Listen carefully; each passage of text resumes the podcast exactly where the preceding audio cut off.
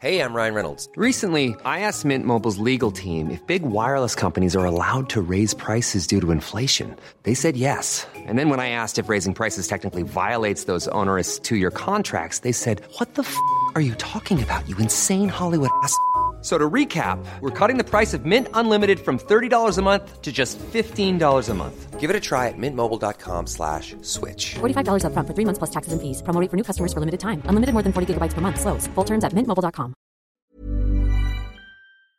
Men det å på en måte akseptere at hver dag er forskjellig, og i dag så passer det å gjøre det, og i morgen så passer det å gjøre noe annet, det, det, det er liksom blitt mer og mer opptatt av. Der hørte du yogadronningen, forfatter og en av kvinnene bak treningsmerket Run Relax, Vibeke Klemetsen. Hun bor sammen med mann og har tre barn på 10, 12 og 22 år.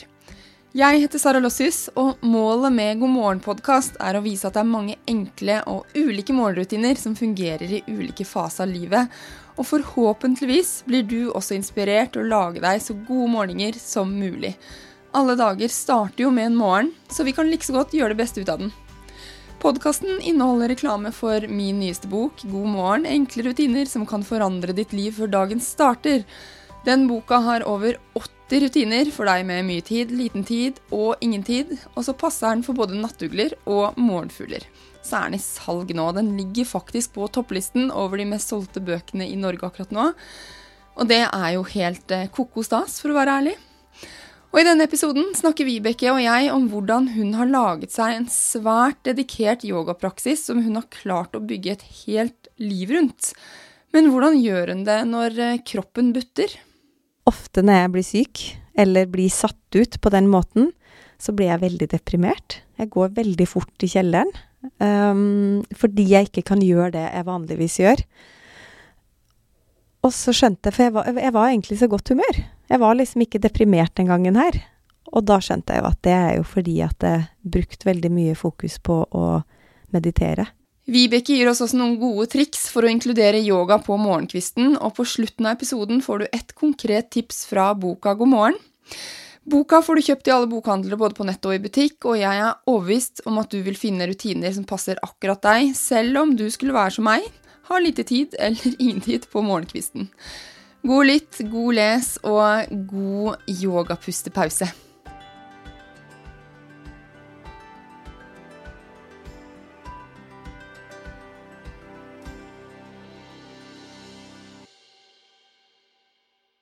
God morgen, Vibeke. God morgen. Vi starter med fem faste spørsmål. Kaffe eller te? Kaffe. Kaffe. Svor- yes. Sort eller Eh, med soyamelk. med soyamelk? Stima? Kald? Stima. Stima. Som en cappuccino, da. Flat white. Flat white. Snuse eller stå opp med en gang? Altså snuse på, oh, ja, på snu- mobilen. Der tok du meg med en gang. Å, snuse et par runder, ja. ja, Mm. det gjør det. Mm. Croissant eller egg og bacon? Oh, ingen av delene. Helst hva da? Mm, eh, croissant. Ja. Nei, men ikke helst, men utenom croissant eller Å ja. Hva Ja. annet? Eh, nei, jeg spiser jo ikke frokost. Nei, Nei, det tar vi senere. Mm. Morgenfugl eller nattugle? Og litt begge deler. begge Kommer dele. litt an på når på året. Ikke sant. Det viktigste for en god morgen for meg er At barna er i godt humør. Du legger det over på dem. ja. Eller kanskje at jeg står opp med godt humør og overføre det til de. Sånn at vi har en god morgen sammen. Ja. Mm. Hvordan var morgenen din i dag, da? I dag var egentlig en ganske god morgen. Um, snusa kanskje bare én gang. Ja. Uh, og så Leona har på klokka sjøl, så hun kommer alltid inn i senga vår klokka sju. Um, og, da, og jeg har på klokka kvart på sju. Så da legger hun seg i skje sammen med meg. Så det er sånn, litt sånn rutine. Og så ligger vi der, og så sjekker vi været ofte for å liksom forberede klær og sånn. Og så står vi opp, og så må jeg mase Thomas litt opp av senga, da. Så, um, men eh, nei, ellers var det en ganske fin morgen, altså. Mm. Men er det ganske vanlig, da? Når er det du vekker For du har bare to av tre barn hjemme nå, ikke sant? Ja. Ja. ehm, Bare og bare. Ja, bare, og bare. Jo da, men eh, altså, to er mindre enn tre, så vi Ja, og nå er jo hun store, så har vært stor så lenge. Så hun har jo vært selvstendig i mange år. Men eh, Liam må liksom dras litt mer ut av senga. Men så er det jo et eller annet med at ha, eh, Leona går hjemmefra åtte, Mm. mens han kan gå hjemmefra kvart over åtte. Så da han har litt bedre tid, da. Så vi legger det litt på. Han får sove litt lenger. Men, um, og han er mye trøttere på morgenen, så det er litt mer sånn kamp å få han ut av senga. Og han snuser 30 gang. Men har han sin egen vekkerklokke? Ja da. Hvor gammel er han? Han er 12, Ja. men han hører den ikke. Nei. Så det er som regel er som må gå inn og liksom skru av den, og riste litt og skru på lyset og så. Dra han opp. Mm.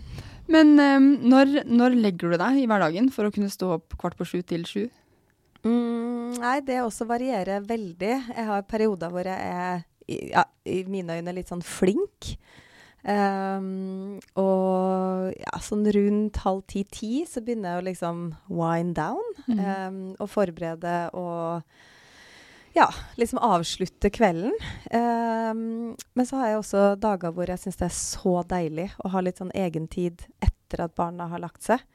Um, men akkurat nå så står vi midt i oppussing, så vi har ikke kjøkken og ikke stue. Og da har jeg merka at jeg syns det er veldig deilig å gå og legge meg klokka halv ti. Og så tar jeg liksom den der siste litt sånn Kanskje svare på et par mail. Eh, ja, telefon. Og så liksom Akkurat nå så ser jeg en serie. Eh, og det er også veldig periodevis, fordi jeg liker best å lese bok før jeg sovner. Uh, men innimellom, når jeg kanskje mest når jeg er litt sånn sliten og nå er det høst og liksom Så syns jeg det er veldig deilig å se serie. Og det er liksom Så da har jeg skjønt at nå har jeg en litt sånn annen rutine på kveldene, hvor jeg da liksom bruker litt tid i senga på kvelden. Fordi jeg har ikke en sofa hvor jeg liksom naturlig går og setter meg og ser litt sånn siste nyhetene og Ja. Mm. Så det er rutinen nå, da. Men det blir nesten åtte timers søvn da, hver dag? Eller hver natt? Ja, det prøver. Jeg er litt avhengig av mye søvn, altså. Mm. Så det skal ikke mange netter til med lite søvn før jeg liksom kjenner at nå må jeg legge meg tidlig. Mm, At det røyner Så, på litt? Ja. Hvordan bruker du de fem første minuttene av dagen? Det har du egentlig allerede sagt. Du bruker det i skje? Ja. Ja. I, i spune med dattera mi. Det liksom Jeg tror jeg hun har gjort siden hun var baby. Så det er åh, det er det deiligste jeg vet. Det høres kjempekoselig ut. Og så eh, går jeg og lager en kaffe. Og for å si det sånn, selv om jeg ikke har kjøkken, så skal jeg love deg at jeg har laga kroken for å lage kaffe. Så der er liksom alt tilrettelagt, og så lager jeg meg en kaffe, et eh, glass juice til Thomas, og så går jeg opp igjen, og så liksom bad og rutiner og Så da får han juice på senga hver morgen. Det syns jeg han er heldig mann på. Det syns jeg òg. Ja. Og hvis det er i ekstra liksom, godt humør, så klør jeg en litt på ryggen, for det er det beste han vet. Så da litt, litt sånn kløing, et glass juice, og så Da begynner jeg å mase. ja. Nå må du opp. Han må drikke det fort. Ja, det er liksom det å komme seg i Og han, det er liksom jeg som da setter i gang de i liksom dusjen og på badet, og så går jeg ned og lager matpakke og frokost, da. Og av og til så er det sånn Du, nå kan vi være to om det. Men da mener jeg at jeg maser litt mye, da. For han, han er ikke som morgenfugl. Jeg, det jeg har lyst til å snakke om litt i dag, det er at jeg har lyst til å dykke ned din yogapraksis. Fordi alle vet at du driver med yoga, men jeg tror egentlig ikke mange vet hvor utrolig dedikert du er. Nei, det vet jeg ikke. uh, men ja, det, det vil jeg jo si at det er. Ja. Uh, fordi at eh, nå har jo jeg drevet med yoga i så innmari mange år. Og det har jo selvfølgelig vært en prosess å på en måte komme dit at yogaen har blitt så naturlig del av livet mitt. Um, at det er, det er jo liksom livsstilen min, det med å integrere yogaen. Um, men jeg er jo på matta så å si hver dag, da. Um, og det er jo sånn jeg starter dagen. Eh, Så når alle er gått ut av huset Og jeg, jeg praktiserer jo ikke hjemme. Um, jeg har jo selvfølgelig gjort det under covid. Men, eh, men jeg går, da setter jeg meg i bilen, kjører til studio, eh, Puro yoga, der jeg praktiserer, og så gjør jeg min praksis. Mm. Og den tar alt ifra altså Av og til kan jeg liksom kjøre en kort økt hvis det enten er sliten eller har noe viktig møte eller et eller annet. Um, eller så kan fint fort ta to timer. Så når, når du har fått én ut åtte og én kvart over åtte, Mm. og drukket kaffe med Ja, den har jeg drukket for lengst. ja. Og så kjører du til studio, og um, der hører du på podkast eller sånn, gjør du ikke det? Eller er det musikk, eller er det stillhet? Kommer også litt an på, men mye stillhet. Eh, veldig ofte så snakker jeg med bekkjen min, som jeg kaller henne. Min bestevenninne Vibeke. som jeg har kjent siden jeg var ett år gammel. Vi har eh, ja, altså nesten hver eneste dag så eh, har vi morgenprat. Eh, og spesielt eh, nå i det siste kanskje også fordi ting har liksom Jeg har hatt litt store forandringer i livet, så, så nå har vi det, det er veldig rart hvis vi ikke snakker sammen en morgen. Um, så jeg syns ofte det er litt sånn fint å ha den der lille samtalen òg, men av og til så trenger jeg stillhet. Og hvis ikke, så hører jeg på podkast. Men når du prater med Vibeke, blir det litt som at dere sjekker inn hos hverandre? Hvordan har dere i dag, og hva trenger dere for å gjøre at det er en god dag, eller hvordan Kommer helt an på. Altså, vi snakker jo sammen da i hvert fall én gang om dagen, kanskje to.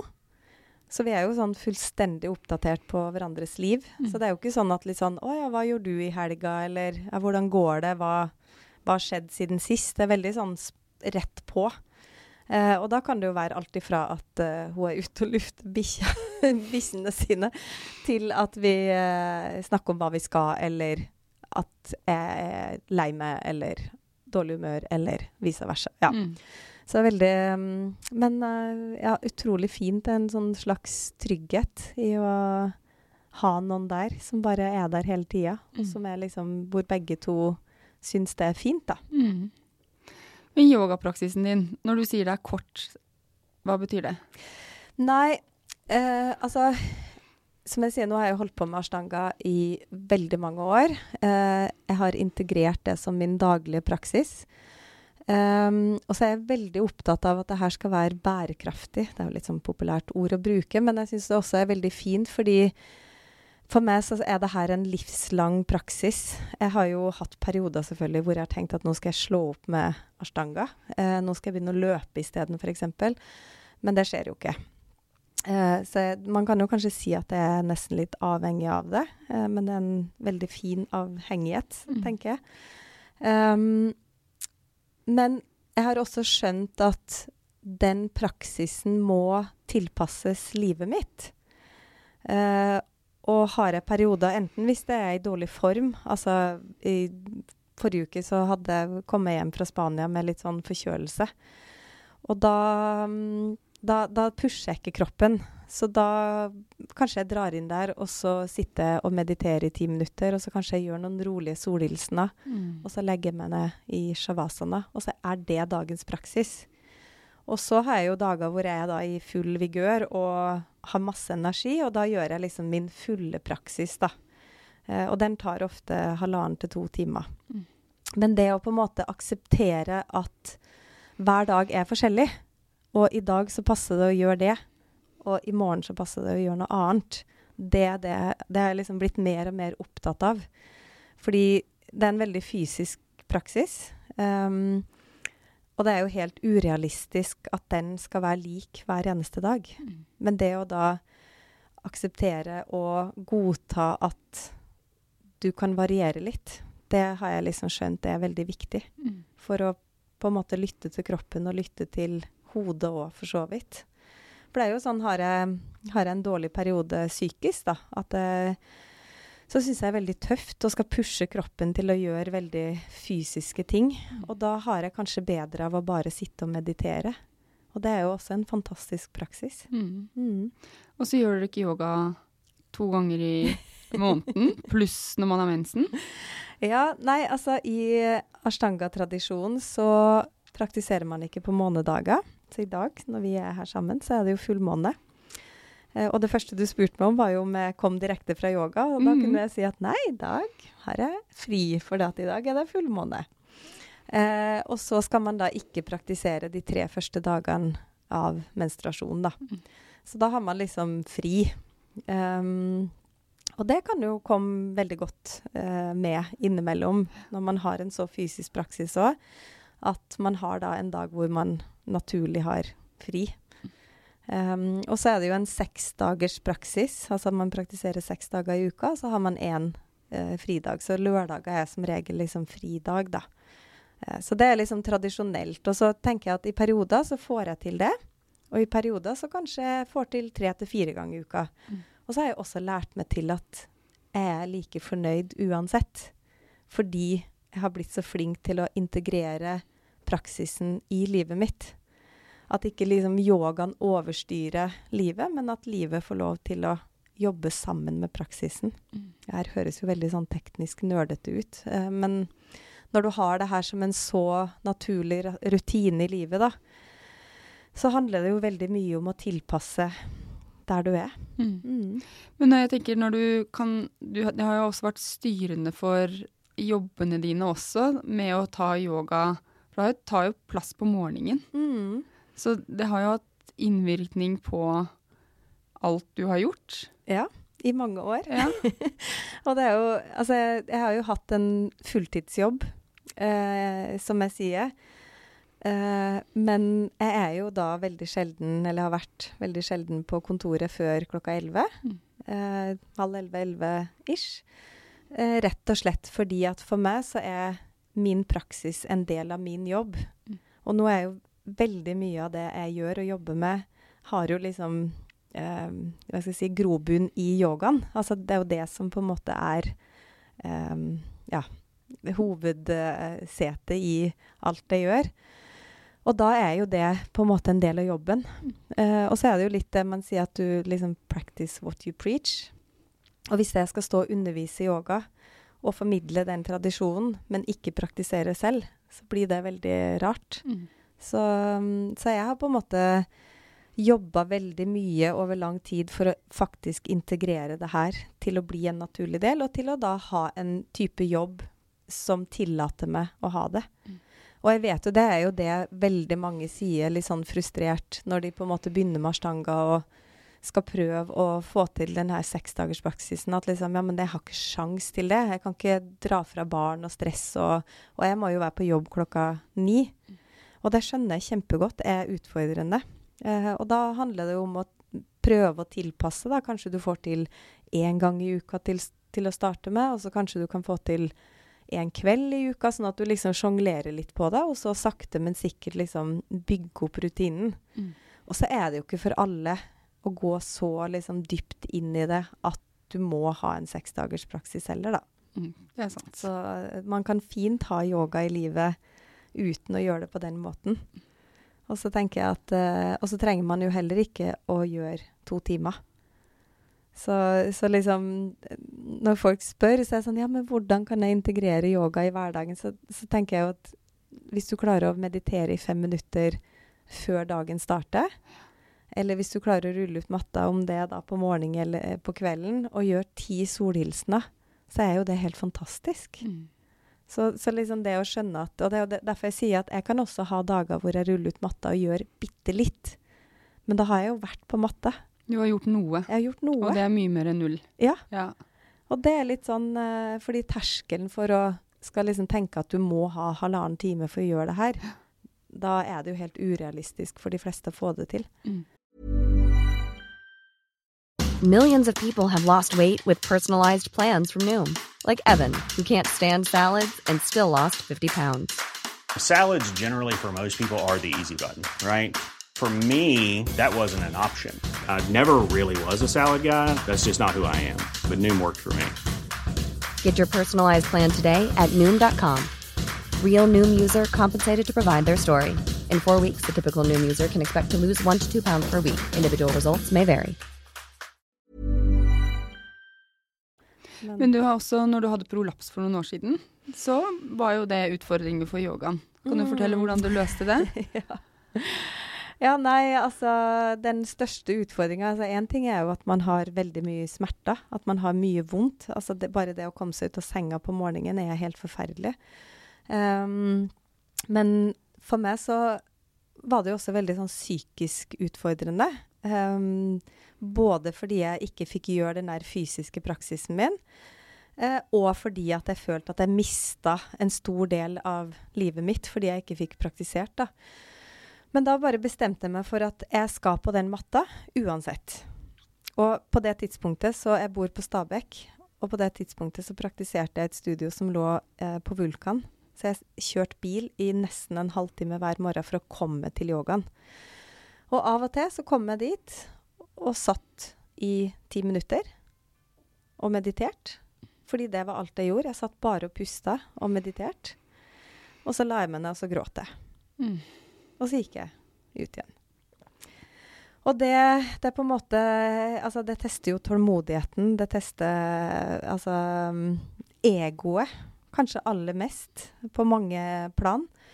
Men etter hvert så skjønte jeg jo at det ble et fantastisk verktøy for å bygge opp både psyken og etter hvert også det fysiske. Og så skal det jo sies jeg jo, gikk jo til mye behandling. til manuellterapeut og fysioterapeut og fikk masse øvelser som jeg da gjorde eh, ofte på kvelden. Så jeg på en måte bare veldig konsistent, veldig strukturert, eh, disiplinert gjorde de øvelsene, og så var jeg på matta. Og sakte, men sikkert. ikke sant? Av og til hadde jeg gode dager. Da kunne jeg kanskje liksom reise meg opp og tilnærme meg en solhilsen. Jeg så ut som jeg var 90 år gammel, liksom. Um, men da gjorde jeg liksom tilnærma noe. Veldig modifisert. Og så sakte, men sikkert så liksom begynte jeg å bygge meg opp igjen, da. Og det er jo en fantastisk, sånn som jeg som jeg jobber som yogalærer, så er det jo en fantastisk erfaring. Det er, altså, det er en dyrekjøpt erfaring. Jeg skulle selvfølgelig ønske jeg hadde sluppet det. Men samtidig så er det jo en erfaring som gir deg veldig mye forståelse for eh, den type problematikk. Da. Så når jeg har folk som kommer inn nå og sier at de har prolaps, så vet jo jeg veldig mye bedre hvordan jeg skal rådgi de til å eh, praktisere, eller til å bygge opp igjen, da. Eh, og så har jeg jo skjønt at det tvang meg til å få et helt annet fokus i praksisen min. Og nå blir det jo Det her er jo veldig teknisk igjen, ikke sant. Men det er en fysisk praksis. Men de viktigste verktøyene i ashtanga-yoga er pust. Man puster på en spesiell måte. Og det er noe som kalles banda, som er kjernemuskulaturen, som du bruker veldig aktivt. Og så er det drishti, som er fokuspunkt. Mm.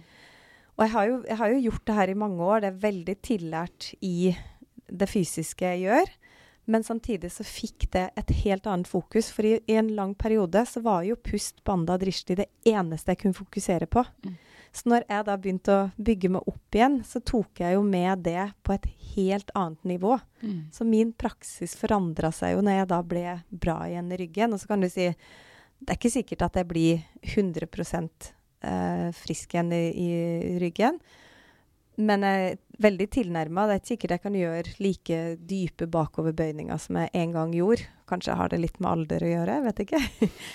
men, men jeg lærte eh, så utrolig mye. Og jeg merka at praksisen min fikk en helt annen dybde Mm. etter det. Så på en måte så er jeg jo litt takknemlig for at jeg fikk er erfare det, Mm. selv om jeg selvfølgelig skulle vært foruten det. Og så var jo jeg heldig, for jeg måtte jo aldri operere. Men jeg tenker også at det sier litt om både din eh, dedikasjon og mentale styrke. For i den situasjonen skulle du lett droppet det, men så drar du likevel. Du opprettholder vanen. Mm. For med vaner òg så er det jo lettere Altså det er lettere å opprettholde enn å begynne på nytt. Mm. Så det gjorde jo at istedenfor at vi skulle tenke sånn nei, nå kan jeg ikke gjøre det, og så etter et halvt år begynne igjen, så ville kanskje terskelen vært enda høyere.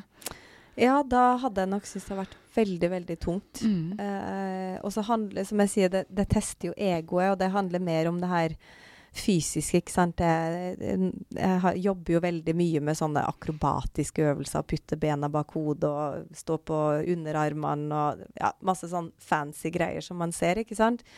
Som man syns er veldig gøy å mestre. Ja. Og når man på en måte mister det, da, så er det jo et eller annet med egoet som på en måte blir testa. Hvem er du uten dette? Ja, hvem er jeg? Ja. Og sant, da var jeg i et rom som, hvor alle vet at jeg på en måte har drevet med det her i mange år, og er egentlig veldig avansert. Men jeg holdt på som den nyeste nybegynneren, liksom. Eh, og det å da tørre å liksom slippe det, var Mm. også faktisk noe som jeg syntes var vanskelig i starten. Mm. Um, men som sagt, etter hvert nå så har jeg jo bare skjønt at det lærte meg så utrolig mye. Og det gjenspeiler veldig også hvordan jeg underviser, hvilket fokus jeg har. Som jeg vet veldig mange setter pris på. Mm. Så, Men når du var syk òg, kan du fortelle om det? ja, altså Man trodde kanskje at jeg hadde covid her en periode, men i vinter så var jeg sengeliggende i nesten seks uker. Så Det er lenge. Seg, ja, det det, det Det er lenge. faktisk veldig lenge. For jeg, sånn som I høst så ble jeg forkjøla eller hadde influensa. Da lå jeg liksom én uke og syntes det var helt grusomt. Men seks uker er liksom en og en halv måned. Ja. Så min februar 2021 er jo bare viska ut, fordi jeg lå bare under dyna. Men da hadde jeg lungebetennelse, eh, sånn atypisk lungebetennelse og bihulebetennelse. Og så pga. covid ikke sant, så fikk jeg ikke gå til legen. Altså jeg måtte ja, styre åren. Så det tok så lang tid før jeg liksom fant ut hva det var, og fikk da eh, antibiotika til slutt. Men eh, da skjønte jeg jo gleden med å meditere. Ja. Fordi at da kunne jeg jo ikke gjøre noe fysisk. Altså jeg rulla jo ut matta engang. Jeg kom jo heller ikke ut av senga. Men, og da fulgte et meditasjonskurs eh, sammen med en lærer i Paris. ehm, eh, som var sånn ukentlig. Og så gjorde jeg de øvelsene fra onsdag til onsdag, da. Og det også skjønte jeg jo etterpå redda meg. Fordi ofte når jeg blir syk, eller blir satt ut på den måten, så blir jeg veldig deprimert. Jeg går veldig fort i kjelleren. Ehm, fordi jeg ikke kan gjøre det jeg vanligvis gjør. Og så skjønte jeg, for jeg var, jeg var egentlig i så godt humør. Jeg var liksom ikke deprimert den gangen her. Og da skjønte jeg jo at det er jo fordi at jeg brukte veldig mye fokus på å meditere. Mm. Og det har en så større effekt enn det man tror, da. Før man faktisk opplever det over en periode. Men det du også gjorde der, var jo at du på en måte du hadde en vane på morgenen på å gjøre noe, og så når du ikke kunne gjøre den, så lagde du en ny vane i det samme tidsrommet. Mm. Veldig smart. Og som på en måte går på mye av det samme, jeg å si. Altså, det jeg gjør fysisk på matta, er jo på en måte en meditasjon in motion, altså bevegelse. Så blir det til en, en meditasjon. Eller det gir den samme effekten, men her så jeg hadde bare en ny rutine, men hvor jeg satt, og hvor jeg da på en måte brukte en annen teknikk, men som er i samme gate, da. Eh, men det har jeg også lært meg, liksom, som jeg sier, effekten av meditasjon. Har du fortsatt Det med det i etterkant?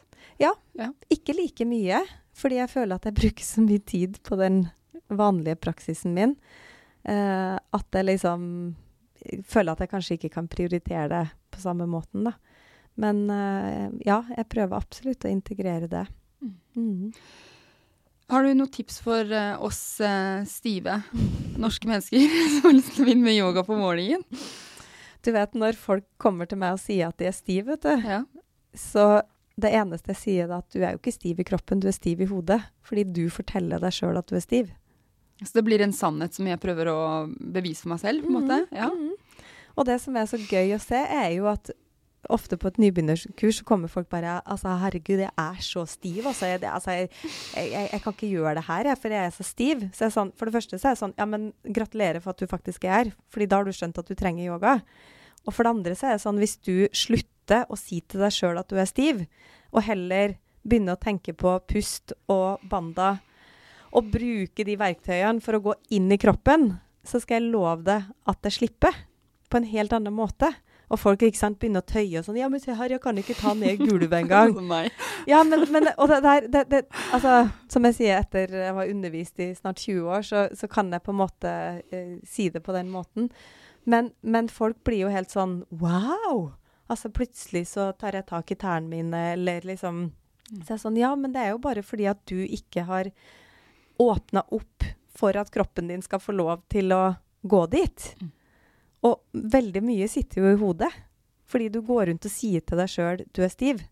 Og nå, er- nå er jeg jo ikke en mentaltrener, men det er jo det jeg har lært med å ta en del kurs og sånn, er jo Det handler så mye om hva vi sier til oss sjøl. For jeg kan jo også stå opp og, og se meg sjøl i speilet og tenke Fy søren, så gammel du er. Nå, nå begynner du å se gammel ut. Og hvis jeg går og sier det til meg sjøl hele Eller uansett hva, da. Altså, det her var bare et, kanskje et dårlig eksempel. Men da går, det er jo det jeg går rundt og føler, da. Mm. Men hvis jeg går rundt og tenker Jøss, du ser ganske bra ut du til å være 46 år, liksom. så er det jo det jeg tar med meg liksom ut i dagen og ut i, i livet. Mhm. Akkurat det samme med yoga, for folk har så innmari vrangforestillinger for seg sjøl når de i møte, liksom det første møtet med yoga. Sånn at det hindrer oss i å Altså generelt så blir jo det at, man, at vi hindrer oss selv i å oppleve livet, da. Ja. Når man sier sånne ting. Ja. Ja. Og eh, da hindrer man seg sjøl i å f- altså oppleve hva kroppen egentlig er kapabel til å gjøre. Mm. Så folk, som jeg sier, folk blir jo så overraska og lykkelig. Så første skritt er å si 'ikke stiv'. Hva? Ja. Men eh, ja, si hvis eh, du har lyst til å få meg, da, til å begynne med altså Nå gjør jeg litt yoga på morgenen, så det er kanskje et dårlig eksempel, men hvordan skal jeg hvordan, Hvilke stillinger, tid eh, Hva tenker du er viktig? Nei, det der syns jeg alltid er litt sånn vanskelig, fordi eh, hvordan skal du på en måte altså Da hadde jeg ville sagt 'kom på nybegynnerkurs'. Eh, og så er jeg sånn Ja, men hvilken yogaform skal jeg velge? Nei, det vet jo ikke jeg. Nei. Jeg kjenner jo ikke på en måte alle dine preferanser. Vil du ha en fysisk praksis? Vil du ha liksom så det, det et, og det er jo et hav av ting man liksom kan utforske. Og, og, og jeg tenker sånn Går du på et treningssenter, og de har yoga, gå på en yogatime. Mm. Har du på en måte lyst til å virkelig på en måte teste her, gå på et yogastudio. Har du ikke det tilgjengelig rundt deg, slå opp på YouTube. Mm. Altså yoga ti minutter. Eh, ja, altså Og så er jo liksom For det er ganske vanskelig å si til folk ja, nei, men bare rulle ut matta, og så starter du med å bare gjøre noe solhilsen. For ha, folk vet jo ikke hva det er. Så du må jo på en måte finne noe, og som jeg sier, om det er på nett, eller om det er da et fysisk sted, så må du på en måte oppsøke det. Mm. Um, men ofte når jeg For å liksom den der første eh, kontakten Altså det er jo det her, den meditasjonen, og det jeg ofte gjør med folk både på kurs og workshop og sånn, er da å um, At de skal sitte stille i fem minutter og meditere.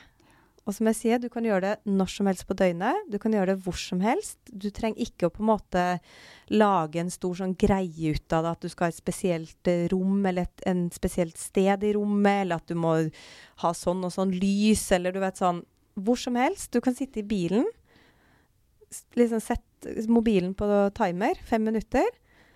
Sette en behagelig stilling. Lukk øynene. Helt avslappa liksom i skuldre og, og hofta og, og rak rygg, liksom. Og så bare sitt og pust. Og ikke, trenger ikke å puste på en spesiell måte. Trenger ikke å tenke på noe spesielt. Bare sitt stille og se hva som skjer. Og fem minutter går på et blunk. Mm. Og så kan du jo begynne å på en måte øke. Kanskje klarer du sju minutter. Kanskje klarer du ti minutter. Men det, det er så gjennomførbart for de aller fleste i løpet av en dag. Mm. Og du, treng, du trenger ikke en yogamatte engang. Og det kanskje er liksom første steg til å oppleve at det skjer noe fint i kroppen. Og så kan man jo kanskje da bli nysgjerrig på å gjøre mer. Som jeg sier, oppsøke noe annet. Men det er veldig vanskelig for meg å si ja, så gjør du trekantstilling, og så gjør du hodestående, og så gjør du bro. Mm. For det er gode øvelser.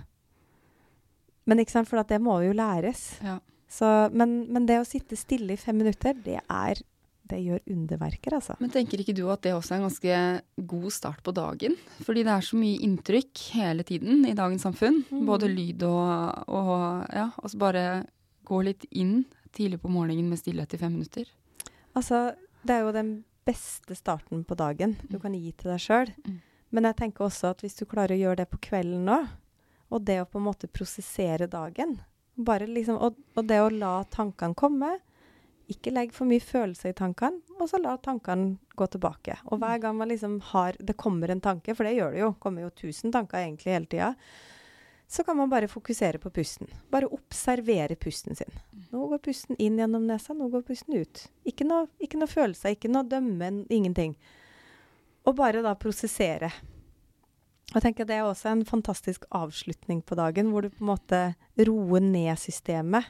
Hvor liksom alle de inntrykkene får lov til å eh, om, om du tenker at de går inn i kroppen og setter seg, eller om de på en måte du forlater de. Mm. Um, så det er jo liksom en sånn god morgenrutine. Det kan være en god kveldsrutine, og det krever veldig lite. Du kan gjøre det på badet. Mm. Så enkelt kan det være. Mm. Du, når du har eh, nei, helgemorgener og feriemorgener, det er egentlig siste spørsmål. Altså, hva tar du med deg fra en vanlig morgen, og hva legger du til? Vi vet at du gjør yoga en dag i helgene, men du gjør vel ikke yoga like disiplinert f.eks. i ferien alltid? Nei, um, fordi at uh, jeg er jo, som jeg sa innledningsvis, veldig opptatt av å integrere yogaen i livet. Og når jeg har ferie sammen med familien, så er liksom familien uh, hovedfokus.